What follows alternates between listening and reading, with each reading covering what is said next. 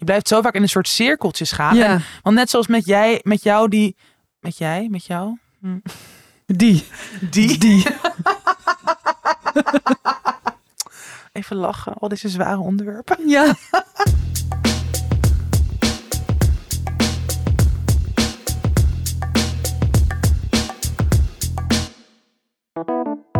Hallo mensen en welkom bij weer een nieuwe aflevering van Tussen 30 en Doodgaan.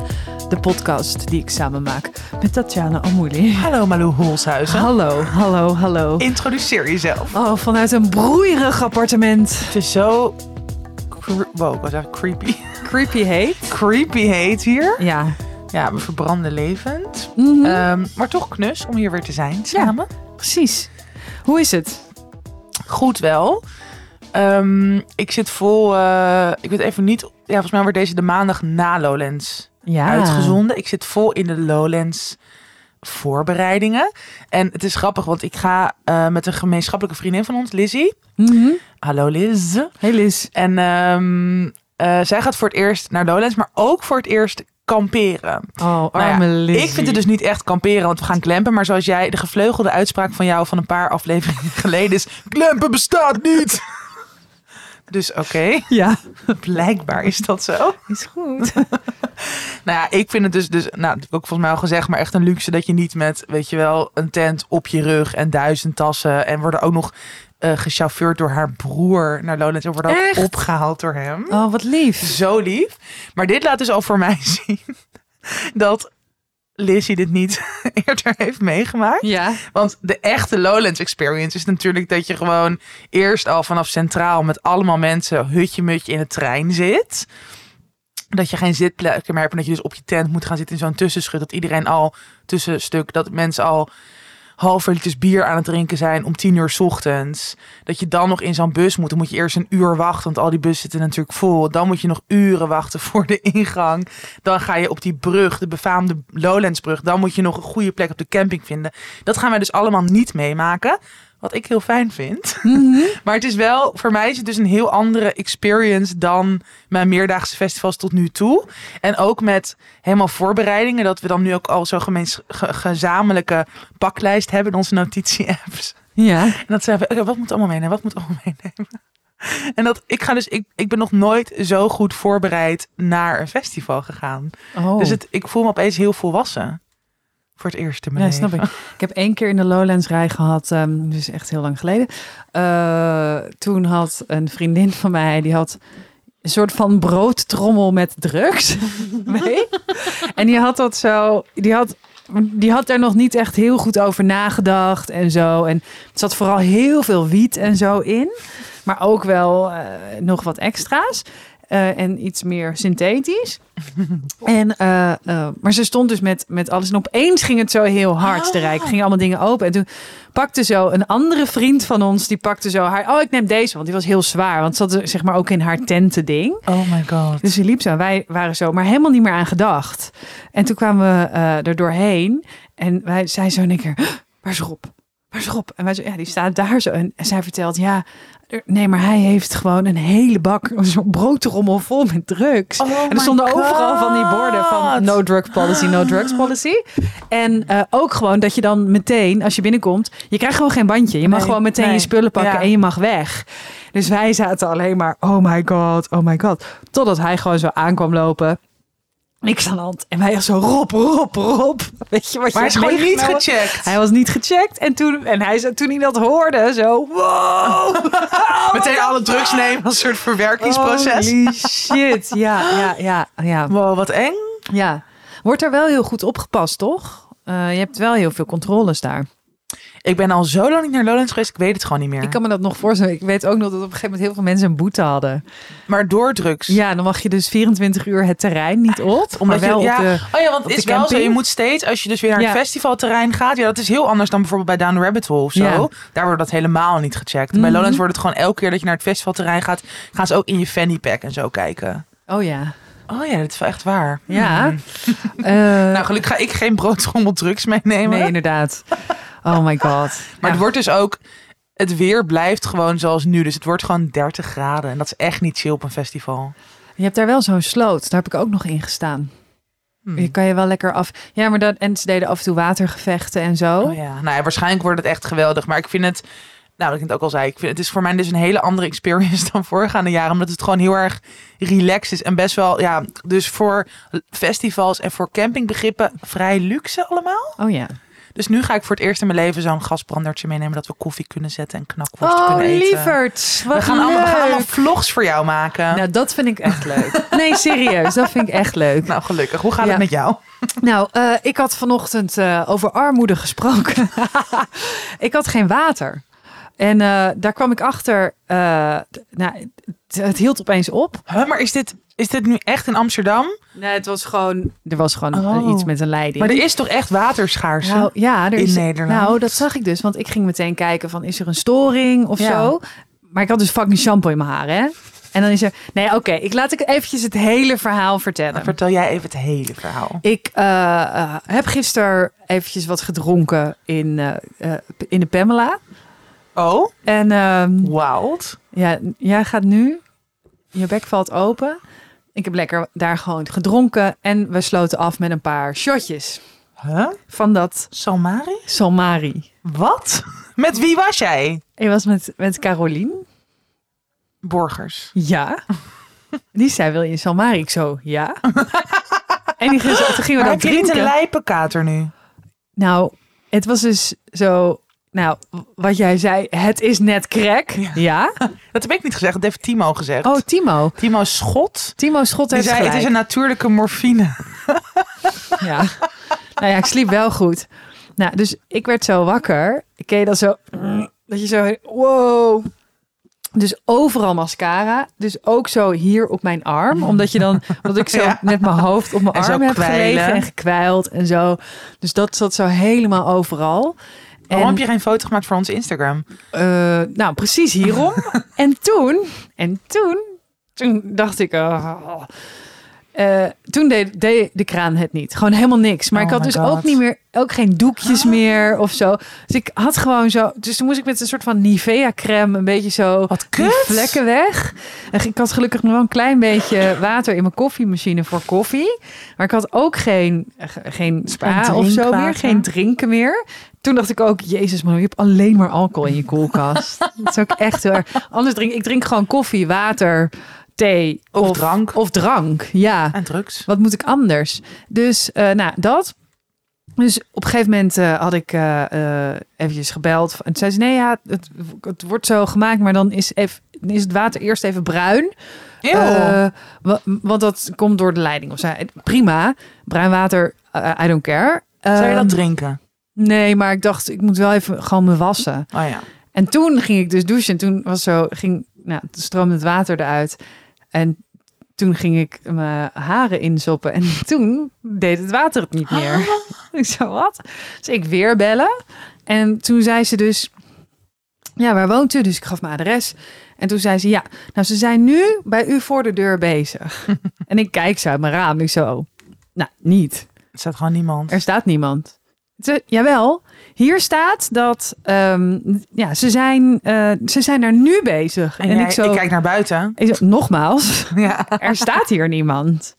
Ja, nou ja, hier staat het eh, dus, eh, ja, dus, nou, toen werd er opgehangen. En nou, een kwartier later had ik weer water. Maar ik ging dus kijken bij die storing. En, en er stond dus bij Gein en op Koude, stond gewoon te laag grondwaterniveau. Dus daarom waren er op sommige plekken was gewoon de waterdruk al helemaal naar de katse kut. Wat sick. Ja, hè? Echt heel sick. En ik heb nu, eh, ik heb nu iets bedacht Oh, wat ik ga eh, doen om te overleven. om te overleven. Eh, en dat is, ik ga met wat gieters en emmers douchen. Dat het water wat daaruit valt, Oh, daar geef ik de planten mee water. Oh, dat is echt een goeie. Goed hè, want dan Ja. hoef ik niet nog weer, nou dat. Dus dat is mijn eh een bijdrage. betere wereld. Met flessen douche ik. Ik bedoel, die vul je toch wel als je er lekker zelf onder staat. Oh, ik ga dat ook misschien doen. Ja, Dat is echt wel een goeie. ik kan hem zo tussen mijn borstjes eh, klemmen. En dan hoef ik hem niet eens vast te houden. Lifehack. Perfect. Malou en haar tieten van jou. Alle Max thuis. Ja, toch? Super handig. Gratis tip. Try this at Gratis home. Gratis tip Do voor water. This at home. Ja, voor waterbesparing.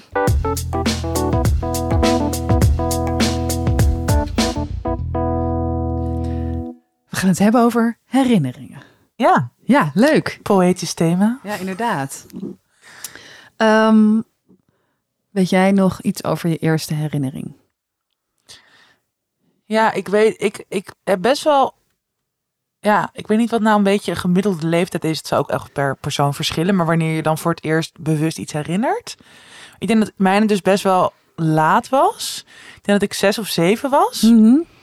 En ik heb zo, zo'n heel levendige herinnering. Echt een hele leuke herinnering. Van ons als gezin. En we woonden toen in Amstelveen. En we gingen best wel vaak. En was ook dus deze herinnering. Gingen we dan op zaterdag.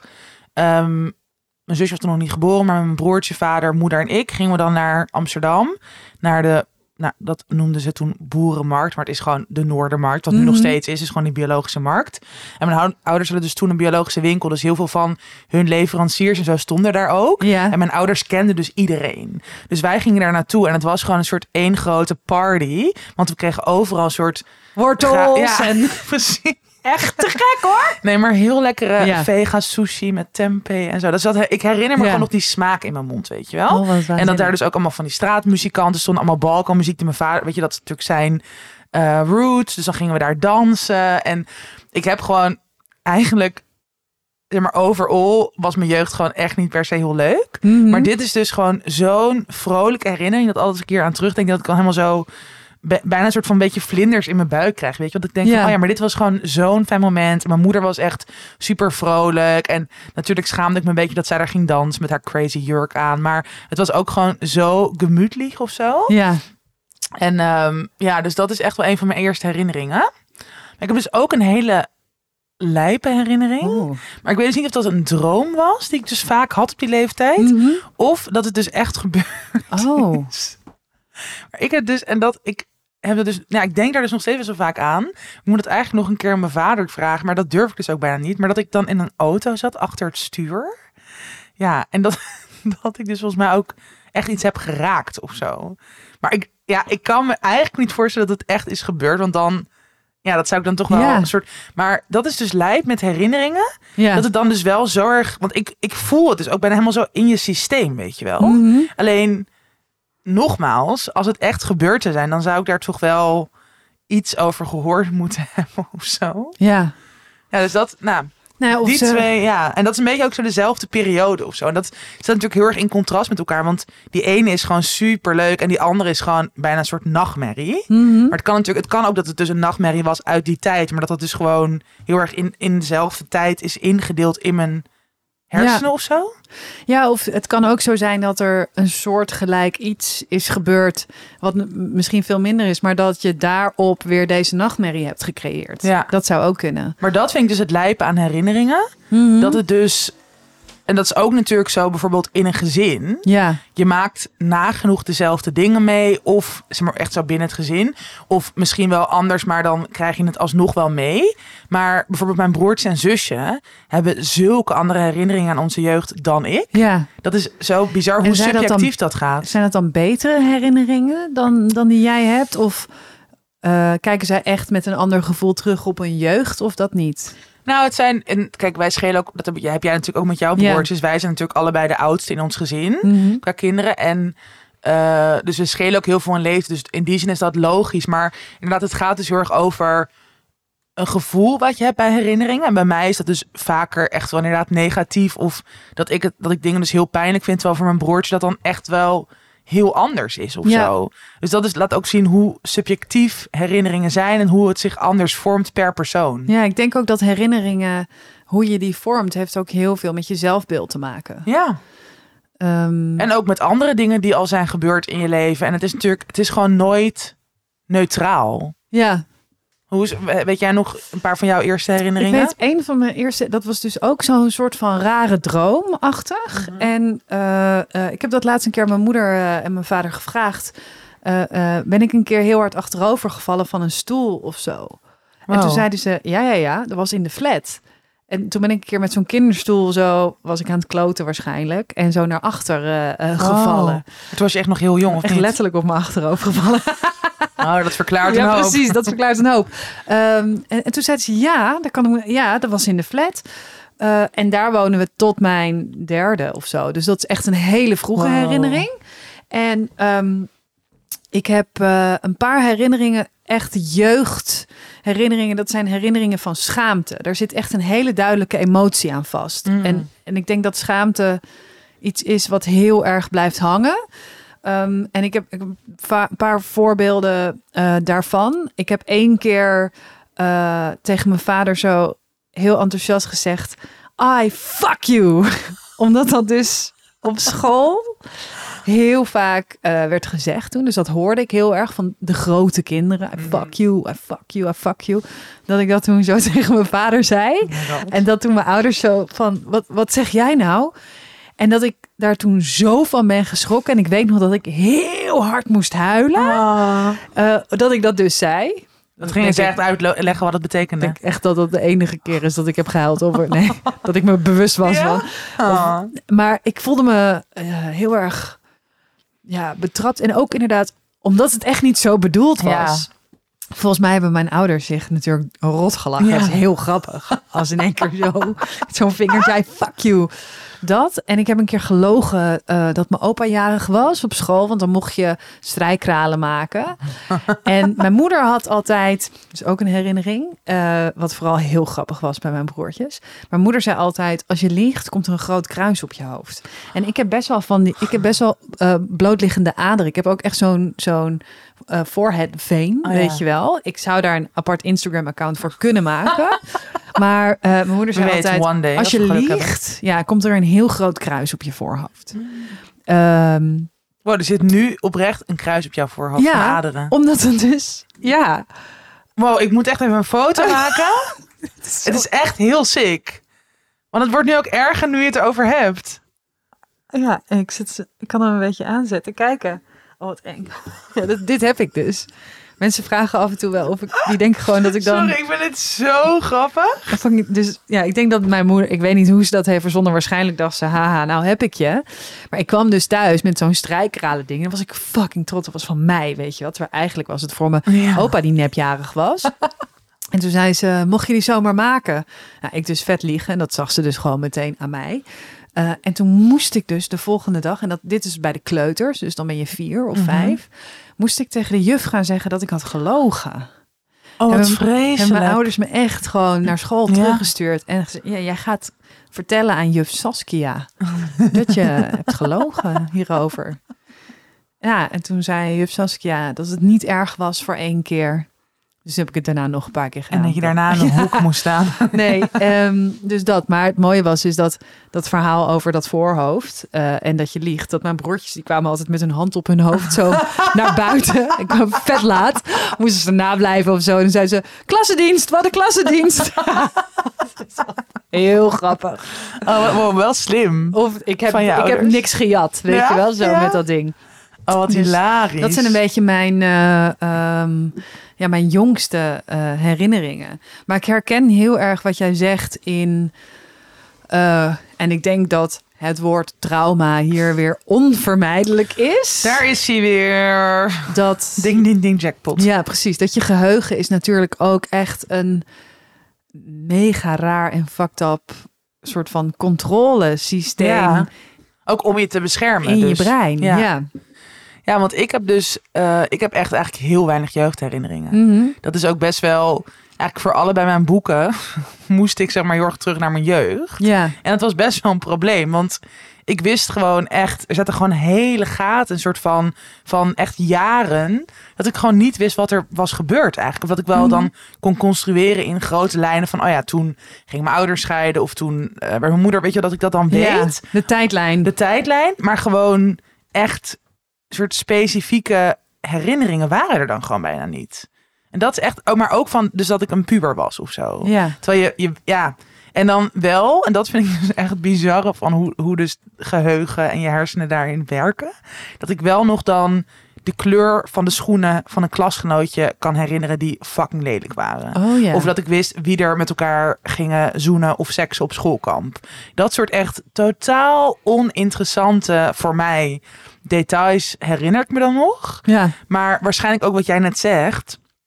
Gewoon de ervaringen, de herinneringen die te pijnlijk, te groot, te zwaar zijn. die blokt. Ja, Die worden gewoon geblokt. ja, En dat, dat, nou, dat hoor je natuurlijk ook wel. Dat is dus hoe trauma ook werkt. ja. Maar dat is En best this wel... is wanneer, Ja. wanneer PTSS kicks in. Ja, Maar dat, ja, dat heb, heb jij dat ook?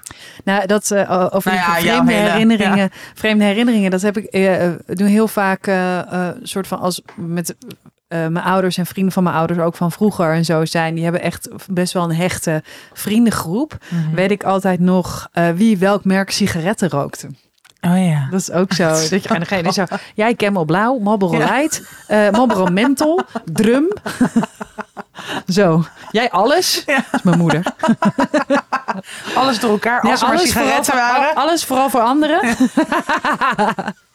Ah, vuile bieter, jongen. Toen kwam je wel eens beneden, was je hele pakje sigaretten leeg. Had mijn moeder dat helemaal opgerookt. Echt? Ja, ja, ja. Oh, wat en dan moest ik, ik altijd geld. Hier gaan we nieuw halen. Krijg je toch een nieuw pakje Hè, maar rookte jij met je moeder thuis? Ja, ik, eh, eh, ja, mijn ouders zijn op een gegeven moment maar weer gaan roken. Omdat, eh, Ook allebei. Allebei. Oh ja. Omdat zij, zij zijn ooit gestopt voor ons. En toen pasten wij wel. Maar ook op een gegeven moment echt wel weer gestopt hoor. Ja. En ik denk dat zij toen een jaar of zo ja, weer hebben gerookt. Met, gewoon met ons allemaal. Met mijn broertjes en ik. En ja, iedereen pafte. aanhang. Wow. Ja, het stond ook altijd lekker blauw bij ons thuis. Echt? Want jullie rookt ook gewoon binnen? Ja, Wat grappig. ja hè? Ik heb nog steeds een oma die binnen rookt. Oma een sigaretje. Weet je wat ze ook altijd doet? Dat is Nou. zo grappig. Ik rook al 55 jaar, zegt ze altijd. En, eh, maar ze gaat ook altijd zo met... Dan heeft ze dat pakje en dan haalt ze er zo eentje alvast... Legt ze zo van, die Ja, kan je ja, pakken. ja. En dan gaat ze rond. Maar dat doet ze dus ook... Ze gaat ook rond bij kinderen. Zo, jongens, van 15. Wil je, Nee. wil je lekker een sigaretje, lieverd? Oh. Of rook je niet? Nee. Oh, ook goed hoor. Goed hoor. Maar vroeger zei ze wel eens tegen mij... eh, je rookt toch nog wel, hè, lieverd? En dan zei ik, ja, oma, oh, gelukkig, gezellig. Mooie herinnering. Oh, jouw familie is zo groot. Knetter, ja. Dus, ehm oeh. Oh, Maar- wat doe je allemaal? Wow, eindelijk is Malou eens een keer de amateur met, met de Ja, microfoon. precies. Eh, maar als het gaat over dingen verdringen, ja, dat ken ik. Daar heb je een heel boek over Ja, geschreven. daar, daar heb ik een heel boek over lachen. geschreven. Lees het Ehm, allemaal. En, en wat, eh, wat er dus ook in is gebeurd, is dat je jezelf dus een andere herinnering aanmeet. Ja. Dus ehm, ik wilde eigenlijk dat ik niet bij dat ongeluk was. Mhm. Dus had ik een soort alternatieve waarheid die ik ook vertelde aan iedereen, zodat ik geen vragen kreeg over wat er was gebeurd. Ja. Of dat ik in praatgroepjes moest of zo. Eh, want daar had ik helemaal geen zin in. Ehm, waardoor die herinnering eh, eigenlijk voelt als de ehm, realistisch hoe, hoe het is gebeurd.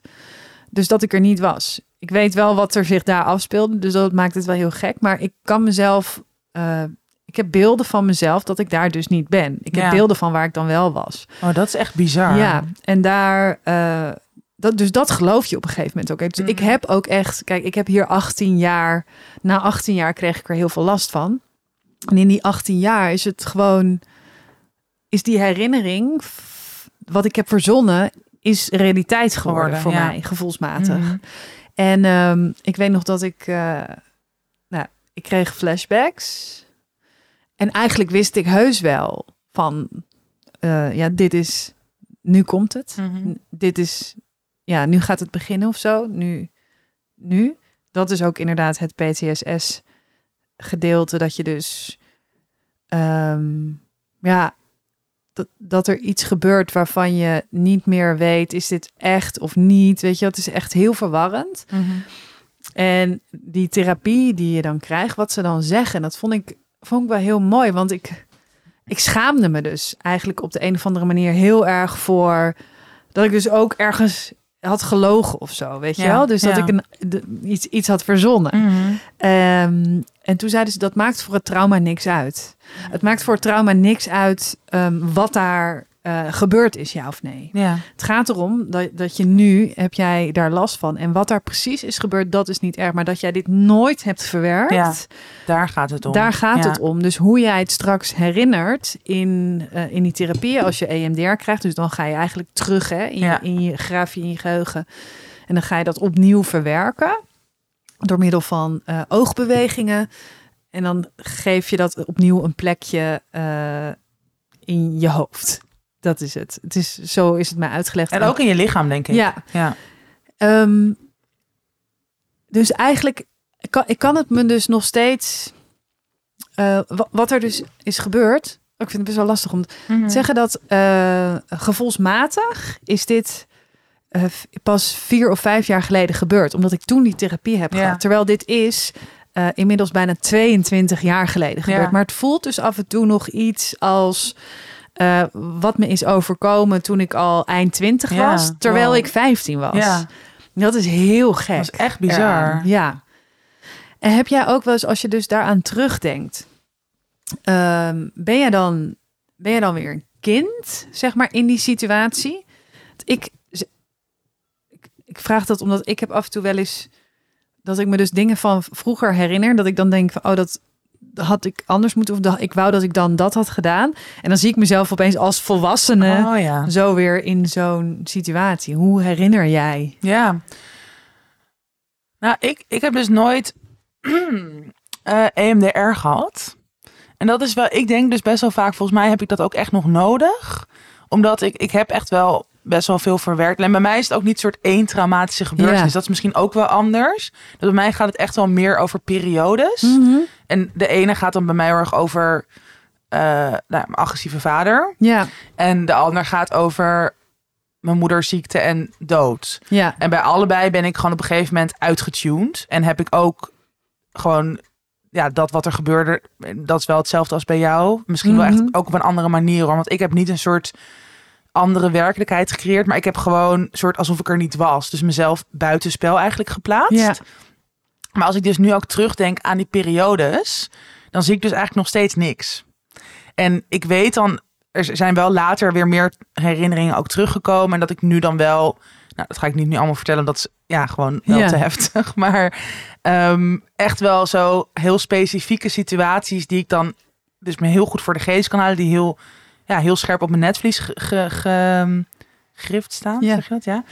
Maar alsnog, ik, ik zie dus dan niet per se een kind. Of maar ook niet Mhm. een volwassen. Dus het is een soort van nog steeds een beetje een schim van mezelf Oh, ja. eigenlijk. Ja. Dus daarom denk ik soms wel van, oh, volgens mij is het best wel, kan ik daar nog ook wel een stap in zetten of zo. Mhm. En ik, wat ik dus heel interessant, ja, maar ik natuurlijk, daar heb ik ook echt al wel vaak hier over verteld, maar rondom dat boek van die Bessel van der Kolk, dat The Body Keeps the Score, Ja. dat vind ik dus heel interessant, want ik ehm, heb heel lang ook mijn lichaam eigenlijk een soort van buitenspel geplaatst. En sinds ik dat niet meer doe, voel ik dus ook dus rondom trauma, rondom herinneringen gewoon heel veel in mijn lichaam. Ja. Wat ik dus super interessant vind. Want vanuit je hoofd kan je inderdaad soort allemaal dingen bedenken. Of jezelf soort andere herinneringen aan leren. Wat, wat jij dan eigenlijk ook hebt gedaan. Maar ja, dat die flashbacks en alles kwamen. Dat komt dus ook omdat er iets in je lichaam een soort van... Ja. Het kan gewoon niet verder of zo. ja, het is best wel gek, want ik kreeg dat tegelijk met dat ik mijn foute uitslag kreeg van eh, baarmoederhals. Dat Ja, is heel Oh, gek. dus dat is ook al... Ja, als het ene niet was gebeurd, dan was ik er bij het andere, was ik niet erachter gekomen bij het andere. Dan wel uiteindelijk later bij bevolkingsonderzoek. Maar Ja. Ja. het is heel gek. Het is een hele gekke samenloop van omstandigheden. Ja. Ja, ik vind... Ja. Het is zo lijp hoeveel, hoe, hoe dit soort dingen je dus echt achtervolgen. Ja, En dat je, maar ook, ook, ja, ik vind het dus ook gewoon interessant. En hoeveel dus, nou, nogmaals met dat lichaam, hoeveel daar ook wordt opgeslagen. En hoe we nog steeds ook zo erg focussen alleen maar op dat hoofd. En ook heel erg, weet je wel, ook in therapievorm, dat EMDR, ja, dat is dan ook wel, dat gebeurt ook eens met je lichaam. Maar nog steeds al die fucking cognitief gedragstherapie en psychotherapie met alleen maar praten, praten, praten. Ja, je blijft zo vaak in een soort cirkeltjes gaan. ja. En want net zoals met jij, met jou die, met jij, met jou, Hm. bij jou, die. die, die. Even lachen, al deze zware onderwerpen. Ja. Nee, maar dat je dus in je hoofd had je altijd vast kunnen blijven houden aan die nieuwe herinneringen die je Ja. eigenlijk had gecreëerd. Mhm. En er moest echt ook dat lichamelijke moest erbij worden gepakt. En toen is er ook pas iets ja. gebeurd. Dat was bij mij ook zo dat ik heb duizenden therapieën gehad, maar pas toen ik bezig ging met familieopstellingen, met soort ademhalingstherapie, met gewoon meer contact met mijn lichaam, toen is er pas iets gebeurd. Ja.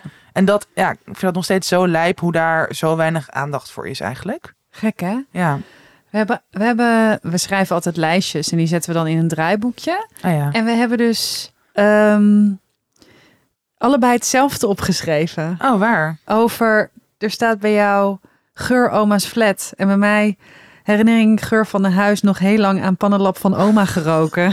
Ah, Wij zijn zo cute. dat is zo cute.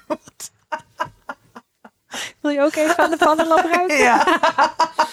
Ja. Ah. Mijn oma had ook een flat. eh, en, en mijn overgrootoma was dat zelfs. En ik weet Wow. gewoon altijd dat het daar zo lekker rook naar rijst en kruiden en planten. Ja. En, eh, ja. Oh, wat, le wat fijn. Wat grappig. Ja, en het was dus... Wat dus heel gek was, was... ehm, zij is overleden toen ik negen was. Dus Mhm. dat is echt een hele oude herinnering. Ik was echt heel erg gek op haar. Ehm, en ze woonde in Haarlem-Schalkwijk, in die flat. En dan gingen we altijd zo in de lift. En als ik er langs rij al, dan voel ik dat echt in mijn buik. Ja. Op een gegeven moment woonde ik in Haarlem. En ehm, toen werkte ik in de thuiszorg. In de huishoudelijke thuiszorg. Mhm. Dus ik maakte schoon bij eh, oude mensen. Ja. En toen moest ik dus, ja, twintig jaar later opeens... eh, In die flat, of In die flat zijn. Wow. Weer in die lift. En ik, ik weet echt dat ik, dat ik zo ben gaan zitten en zo in die lift ben gaan zitten. En ik zat daar en heel even weer teleurgesteld was. Oh, ik ga niet naar mijn oma. Ik ga Wow. gewoon naar een ander, iemand anders oma Ja. om eh, de ramen te lappen. En het was zo gek. Hmm.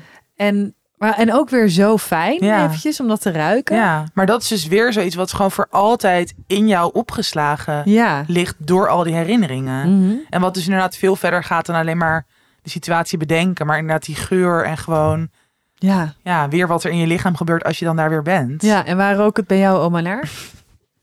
Poep. Nee. Zo lekker. als ik kak.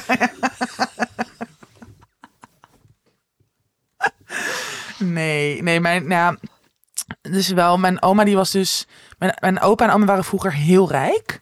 En ehm, op een gegeven moment, kwam de oorlog. Nee. nee, dit was allemaal na de oorlog. Mhm. Nee, maar toen raakte mijn, mijn opa aan een faillissement.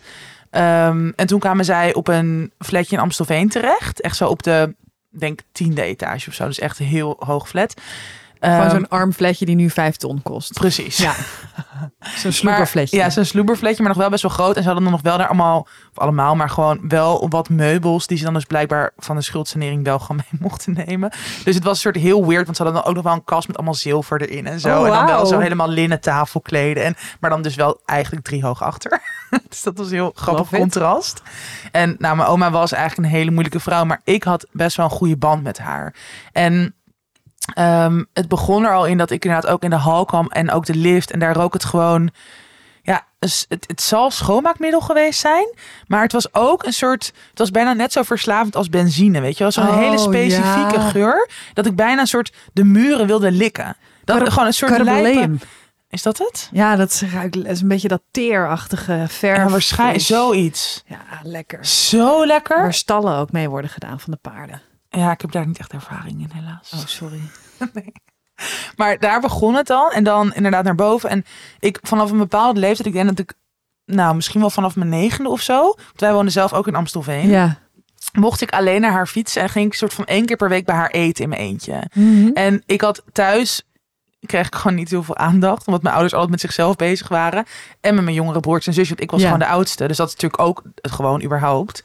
Eh, maar ook al hun eigen issues. En bij mijn oma kreeg ik een soort van de onverdeelde aandacht. En dan kwam ik daar binnen. En dan was zij, zij was ook altijd aan het koken. Eh, maar dan echt zo'n hele typische Hollandse pot. Dus en wij aten thuis geen vlees. En bij haar kreeg ik altijd hele lekkere, gewoon speklapjes. Oh. En macaroni schoten ze te over met heel veel kaas. En gewoon zo typisch. Ja. Wat ik thuis nooit kreeg. En dat was bijvoeren. ja, precies. en, en zij was dus mega op de verzorging en kleding. En dan had ze echt zo'n rij met Chanel parfums. En mocht ik altijd achter haar kaptafel, die heb ik ook geërfd van haar. Ehm, altijd me opmaken. En zo gewoon helemaal zo een soort lui lekkerland voor een meisje van 19, 11, 12. Ja. En ik, ik mocht ook thuis, we hadden ook een heel streng tv-regime, alleen maar VPRO. En dan weet je wel, eh, alleen maar in het weekend volgens mij op die Ja. leeftijd. En bij haar mocht ik dan As the World Turns en GTST en zo kijken. En dit is waarom jij nu zo gek bent van al die fucking pulp. Nou, zoals wat? Ik kijk echt niet heel veel pulp. Zoals 13. Oké, dat was echt vroeger. Nou, nogmaals, wij gaan echt die film sowieso kijken. Gaan we een live aflevering maken met... Dat is leuk voor de extra's. Oeh, wat zeggen wij nou? Extra's? Binnenkort een review. maar ehm, nee, dus dat. Maar ja, dus ook allemaal verschillende geuren eigenlijk. Maar wel zo heel erg dat. Ja, ook een gevoel van thuis is het eigenlijk. Ja. Dat hoor ik ook heel erg bij jou terug. Een soort vertrouwde plek waar je gewoon even helemaal ja, kon zijn en ontspannen of zo. Ja, ik heb dat dus. eh, ga ik het vertellen? Ja. Oké. Mijn opa en oma, eh, andere opa en oma wonen nog thuis. Samen, zijn 88. Wonen in een best wel groot eh boemerhuis, weet Mhm. je wel. En ehm, ze hebben geen hulp in de huishouding. En dat willen ze niet. Want ze kunnen het allemaal nog makkelijk zelf en zo. Het zijn 88. Ja. Wow. En vroeger rook het er altijd zo lekker. Lekker naar van die pruttelpotjes, weet je wel. eh, Slavinken Oh ja? of eh, dat Ja. soort. eh, en nu Stinkt het gewoon een beetje. soms wel. Ja. Ik vind dat heel. Het is dus. Het is wel heel gewoon pijnlijk. Ja, Ja, ook omdat ik gewoon nog weer verlang naar Tuurlijk, die geur. ja. Weet je wel? ja. Ja, ik vind het lastig. Kan jij niet een, of met je broertjes of zo een schoonmaakhulp inschakelen? Ehm nou, ja, ze doen gewoon niet open. Nee, ze, ja, ze vinden het. Ze, nou ja, het is een beetje. ehm, altijd iets voor later of zo, weet je Mhm. wel? Ja, daar moeten we maar een keertje over hebben. Ja, Ja. moeten we maar een keertje over hebben. ja. Ja, ik, ma ik neem altijd, eh, ik neem wel eens van die, ja, ze luisteren Van die sprays niet. of zo. Maar het voelt een beetje ik ja, aan snap het ik. iets lelijk zeg. Maar het is niet, le- het Nee, het is helemaal niet lelijk. Nee. Eh, ja, maar ik neem af en toe echt, eh ga ik stiekem even snel schoonmaken. Weet je wel, dat. Ja. Terwijl het is niet, ik bedoel, het is niet een heel, het is gewoon te groot. Ja, Het is gewoon te groot en het, het is niet altijd zichtbaar wat je, eh, nou, dat. Ja. Dus terwijl, er wordt er wel gewoon netjes gestofzuigd ja. en dingen. Ja, maar het is ook wel gewoon... het is veel. Ik bedoel, voor mij is het toch soms een opgave om een 65 vierkante meter helemaal schoon te houden Holy altijd. shit, ik heb dus vanochtend niet geschreven omdat ik mijn bed uitstapte en dat er echt zo'n stofdwarrel aan mijn teen hangt. dat ik dacht, oké, ik moet nu gewoon echt even, Even eerst schoonmaken, dit ja. doen. Ja, Ja, dus laat staan als je gewoon op leeftijd bent en in zo'n groot huis woont. Ja. precies. Maar goed, op een gegeven moment is dan hopelijk wel de tijd dat ze dat ook gaan inzien en dat ze gewoon Hulp. in- hulp ja. inschakelen. Of kleiner gaan wonen, zodat de woningmarkt niet minder eh, meer Verziekt toegankelijk wordt. voor ja, dat ze het huis lekker kunnen verkopen voor drie, vier, vijf keer zoveel. En dat, En dat jij erft. al mijn, al mijn dildo ooms en tantes allemaal erfenis. Ik, Dildo. ik weet het. ik weet het veel. Dat is pas lelijk. Ja, dat is wel. Kat, kat, kat. Nee, we knippen niks. We knippen niks. Misschien Mm. kan Rinse er een leuk piepje in zetten. Piep. Ja, piep. En zo, Ja, Oké. ja, dat. Ehm, ik denk, ehm, Ja, ik denk dat we er wel zijn. denk het ook. Denk het ook wel. Oké.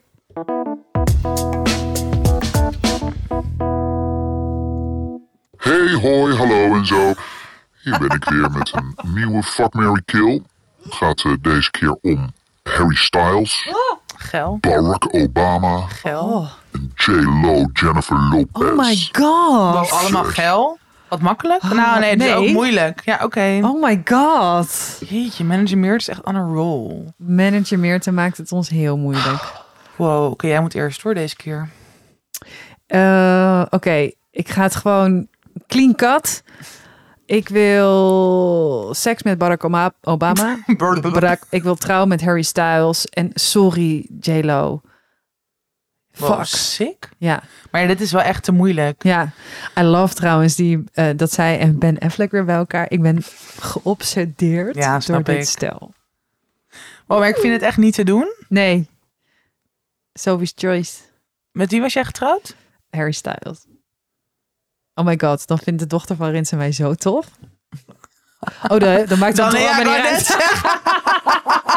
ik denk dat het niet echt top is, want je verlaat je vader, maar prima. Misschien polyamoreus huwelijk. Nee, misschien neem ik hem een keer mee. Oh, ik vind het echt heel lastig. Ik ook. Ehm, ik doe een trio met Harry Styles en J-Lo. ja, Eigen kan. Ja, seks. Ja, trio mag. Trio is een deel van seks.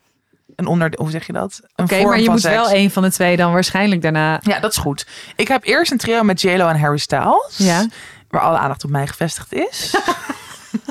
ja. En dan kill ik J-Lo. Want ja, kijk, Harry Styles ook dan Als een echt... zwarte weduwe. Ja, precies. Zo grappig. Want Harry Styles wil ik wel gewoon als fuck buddy slash friend with benefit houden. Mhm. Als ik getrouwd ben met Barack Obama. Oh my god. Conquering the world, like a power couple. Zo hot. Zo hot. Ik heb er echt zin in. Oké. Dit is echt mijn lievelings tot nu toe, denk ik. Oké. Nou, eh, Zin in. good for you. Echt slim van mij, hè? ja. Jij jaloers? Ik ben niet jaloers. Jij bent altijd jaloers. Ik ben, ik ben niet jaloers. Tips, tips, Tips, tips. Ik tip de NPO-serie Dertigers. Oh my god. Ik vind dat echt een ziek leuke serie. Ik ook. ik vind het ook leuk. Ik zat met Erik Carton eh, te eh, appen. Karton. Erik Carton. Erik Corton. Ja. Eh, want die postte zo'n promo van dertigers. Ik had daar ook op Team gereageerd. Ed! Team Ed! Geen nieuwe kinderen! Er geen nieuwe kinderen! Team Ed! En zo, ja, ja. ja. Oh, Erik Corton luistert, hè? Naar, Ja, naar tussen hallo, 30 en dood. Erik. Ik had er ook helemaal als fangirl op gereageerd. Zin in. Toen stuurde hij me mijn middelvinger. Echt? Ja. nee, maar dit is onze grap. Oh, jullie hebben een grap. Oh?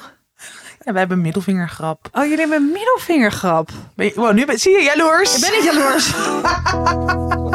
Misschien mag je ook in onze pact van middel... Ik nee, ben, nee, nee, nee. Ik ben niet jaloers. Eh, anyway, los Ja. van Erik Korton die een hele leuke rol speelt, eh, is het gewoon een heel leuke, grappige, goed geschreven serie. Volgens mij deels door Lieke Lemus is het scenario geschreven. Ja? Ah, Malou trekt nu een gekke bek. Hallo, trek de gekke bek. Nee, ehm, het, is, eh, het is heel herkenbaar. Ik denk dus ook voor veel luisteraars, hoewel het wel allemaal over stellen gaat en wel veel mensen met kinderen. Dus misschien is het nog wel iets boven onze voornaamste doelgroep. Hoewel Mhm. onze doelgroep alle kanten uitschiet. Maar ook voor mij is het dus soms nog wel een soort stap verder. Maar ik vind wel, het gaat gewoon, net als onze podcast, over heel veel verschillende thema's. Waar je wel op een gegeven moment in je leven mee te dealen krijgt. Ja. Dus over of je relatie nog leuk, interessant, spannend genoeg is. eh, of je blij bent met je baan. Of je blij bent met jezelf en lichaamsbeeld. Ja. Hoe je met je vrienden omgaat. Want het gaat namelijk over een groep vrienden die vroeger volgens mij huisgenoten waren. Ja. En nu hebben ze dan nog een appgroep. En je ziet ook dat WhatsAppjes. Mhm. Heel erg van nu hè. Ja, heel erg. van Eh, nu. en de soundtrack is echt geweldig. Want het gaat dus over dertigers. En de soundtrack is dus zo vooral jaren negentig. ja. En een beetje 2000. Dus het is ook allemaal, je komt weer helemaal in die oude oldschool vibes. Ehm, nou ja, kijken. ja, wat ik er ook heel leuk aan vind, is dat het gewoon sommige dingen ook gewoon niet goed komen. Precies. Het Dat- is heel realistisch. En dat vind je dus ook met hoe de dialoog en de tekst. Het is gewoon heel, het is echt realistisch. Ja. Je denkt echt niet vaak van, wow, dit is echt of inderdaad overgeromantiseerd. Of juist een soort van eh, echt soapy, weet je wel, te dramatisch. Het is echt zo van, oh ja, dit soort eh, gebeurtenissen ken ik ook van Ja. mezelf van vrienden of iets verder weg. Ja. Ehm, ik trok wel een blij gek gezicht bij Liekele.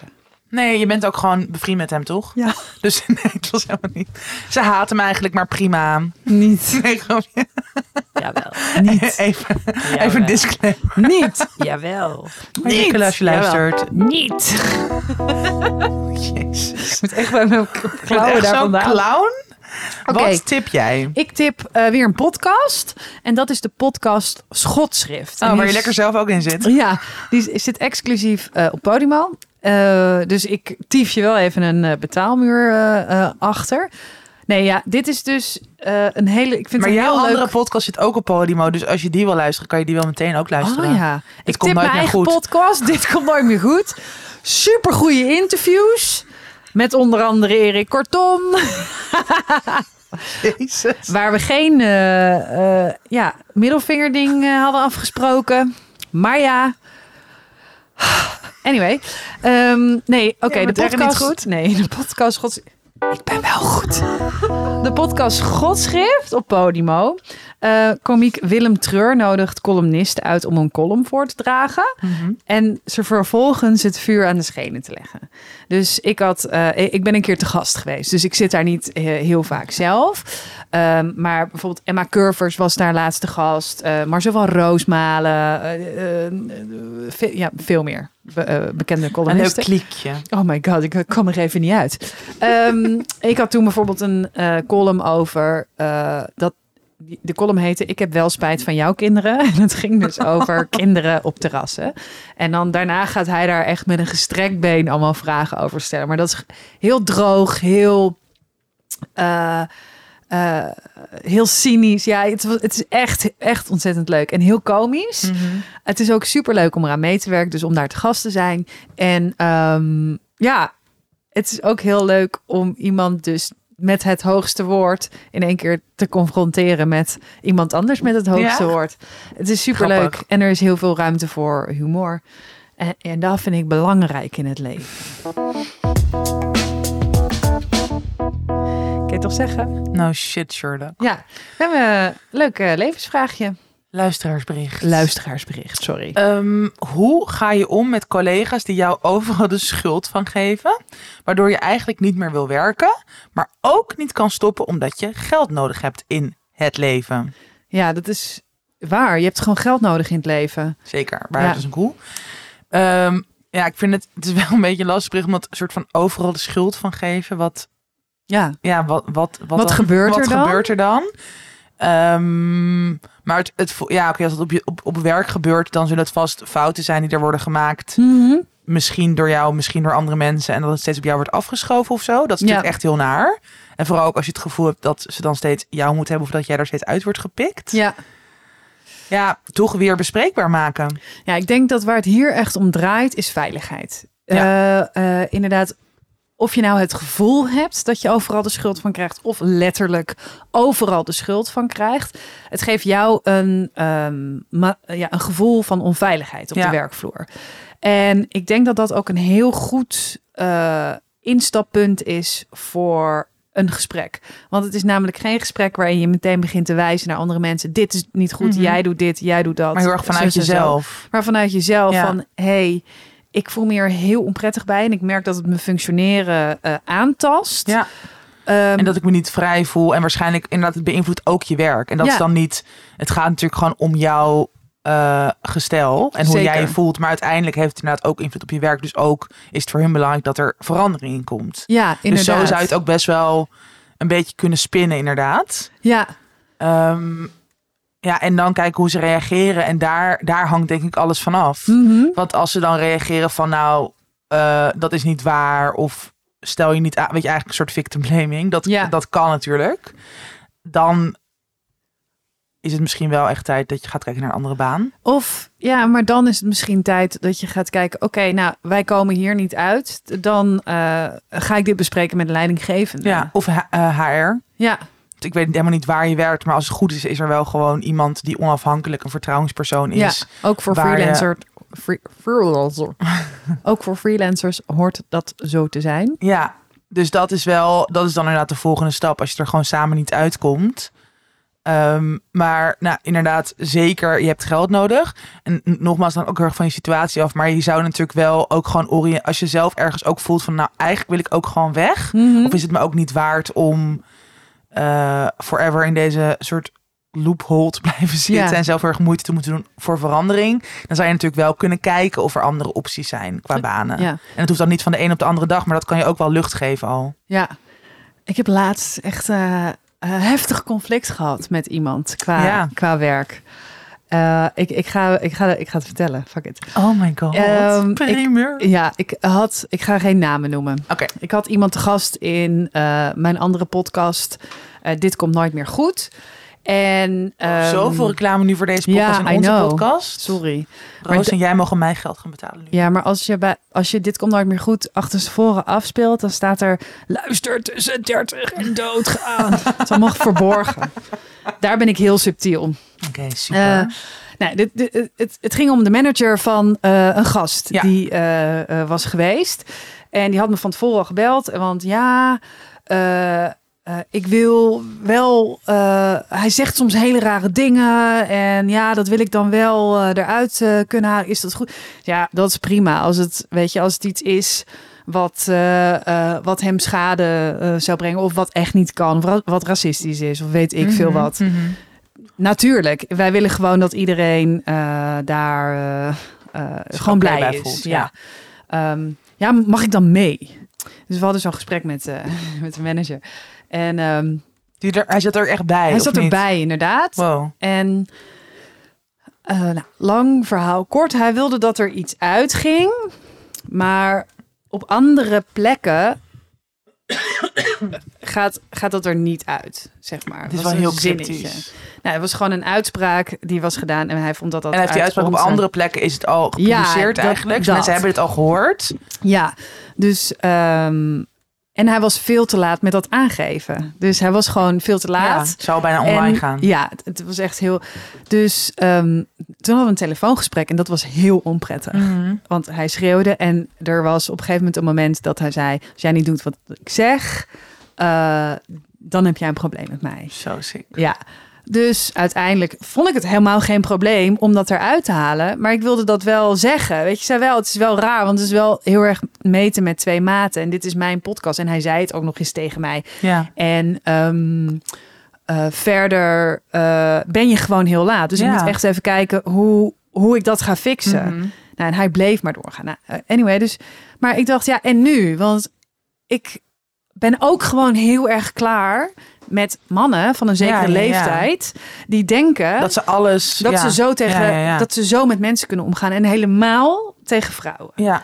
En het Want- is gewoon jouw podcast. Als hij aanschuift. Ja. Ik bedoel, jij bent al super coulant dat hij er en bij mag zitten. En dat Echt honderd. En het ging er ook gewoon uit, maar het ging gewoon een hele nare heel, manier. Ja, het ging mij heel erg om de vorm.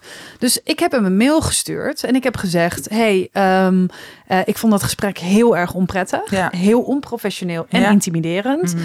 En eh, zulke dingen zeggen, dat is een bedreiging. Ja, Je bedreigt mij. Als jij zegt: als jij dat niet doet, dan heb je een probleem met Ja. mij. Dat is een is bedreiging. een bedreiging. Nou, toen kreeg ik toch een mail terug dat het was echt, echt, echt van de gek. Nou, ten eerste was het eh, eh, helemaal niet waar. Had hij dat niet gezegd? Nou, gelukkig. Maar hij was natuurlijk gewoon bang. Omdat jij het op zwa- zwart-wit op had gezet. Ja, Zwart maar- op wit had gezet, ja. Ten eerste, ja, ik had twee mensen die, die, die want Die hij schreeuwde waren. hard. Ja, ja, ja, Weet je wel, dat. Dus eh, nou, hij zei dat ik heb het helemaal niet zo gezegd. Dus hij verdraaide het heel erg van eh, dat hij had gezegd, dan is er een probleem of zo. Weet je, wel, heel raar. Oh. Ehm, en eh, nou, hij had nog nooit van iemand gehoord eh, dat hij zeer onprofessioneel was, was. of Ah, intimiderend. Dus ehm, het was ook een hele zware beschuldiging. En hij had gezegd, Ah, die ik naast me neer, neer wil leggen als jij... Dan kwam er nog een soort van, als jij inziet dat wat jij... En afspraak is afspraak en bla bla bla. Nog heb, hij heeft gewoon zijn zin gehad, hè? Dat is gewoon dat zinnetje is er netjes uitgehaald. En toen zei hij ook. Toen ging hij ook nog zeggen: Ik merk heel erg dat, eh, nou, dat het dus jou ook eh, iets doet, zo'n opmerking. Dus ik ga ervoor zorgen dat dat niet meer gebeurt. Dus ik heb terug ook teruggestuurd van het is heel ongepast. Ja. Het is echt heel die opmerking. Wat jij nu zegt Ja. over hoe, hoe jij denkt dat ik iets Bij jou opvat, overkomt. is heel ja. ongepast. En ook dat ik dat dan niet zelf zou kunnen Ja. oplossen. Wow, wat Ja, het, was, vreselijk. het was verschrikkelijk. En dan ook nog erbij zetten. Ik vind jou een hele goede presentator. Daar ligt het niet. Hou je. maar het is zo denigrerend. En een soort van jou 100%. onder de duim proberen te houden. En denken dat hij alles kan maken. Oh, totaal. En ook dat je er dus ja, gewoon echt niet gewend om tegengesproken te worden. Nee. Nee, dus In- het was echt intens en insane. en ik heb gelukkig die mails, die echt, ja, ik heb ze ook. eh het was heel mooi. Volgende week komen ze uit. Nou, het is dus heel mooi als je dus voor een heel jong bedrijf eh, daarmee samenwerkt. Die zijn ook klaar met dit soort eh, Ja. gedoe. Weet Ja. je, dit, het is gewoon niet. Ehm, zo ga je gewoon niet met mensen om. Nee, en het is heel erg inderdaad wat jij ook zegt. Het, ja, het zijn gewoon vaak mannen van een bepaalde leeftijd die dit jarenlang hebben kunnen doen. Precies, dit, maar het is gewoon niet meer van nu. Maar En, hij vindt dit normaal. ja, maar Dat ook is- omdat hij waarschijnlijk dus nooit echt tegengas heeft gekregen. Omdat andere Ja. mensen denken, dit hoort erbij. Zo gaat het nou eenmaal. Eh, ik stik het wel weer in. Ja, En dat, gelukkig zijn er dus veel meer vrouwen of mensen als jij... die dat niet meer pikken en die daar wel tegen ingaan. Maar dat is zo iemand gewoon niet gewend. nee, het was echt, echt gênant. Echt gênant. Ook die reactie. Zo on... Zo'n groot de grote hoop onbenul in letters. Ja. Het was echt... Maar hij, en dat is natuurlijk ook gewoon, hij begrijpt het dan gewoon waarschijnlijk echt niet. Nee joh. Maar goed, eh, je kan dus, dus- inderdaad. Daar, dat, dat was dus zo heel grappig. Dit was ook zo'n mail waarvan ik zei... hey, ik heb, dat, ik heb het zo ervaren. Als, en Ja. dan zie je ook als iemand meteen in de verdediging... en begint te wijzen met jij, jij, jij... eh, ja, met sommige mensen kom je er ook gewoon niet uit. Nee. Dus dan zou ik inderdaad echt voor jezelf kiezen. Ja, en dan dus eerst eh, hopelijk een ander vertrouwenspersoon in je bedrijf of als freelancer. En als het dan niet lukt, dan gewoon echt voor jezelf kiezen. En kijk, oké, maar er, er zijn waarschijnlijk andere banen waar je echt niet zo behandeld wordt. Let's go. Ja. Of andere mensen met niet een idiote manager. Of die je kan uit andere Of- mensen, de mensen die jou de schuld geven, wegpesten. Ja. Dat kan ook Oh, altijd. Bijvoorbeeld door in hun bureaustoel te pissen als het zo zo'n met stof is, daar iets heel vies in te doen. Dat iedereen denkt dat diegene stinkt. Maden of zo. Ja, in maden in iets verstoppen. Heel goed idee van ons, vind ik. Echt een heel goed Laat idee. ons vooral weten hoe het ging. Ja, of iets eh, monteren zo diegene's hoofd op een sekstape en die dan verspreiden. Zet hem op. Zet hem op.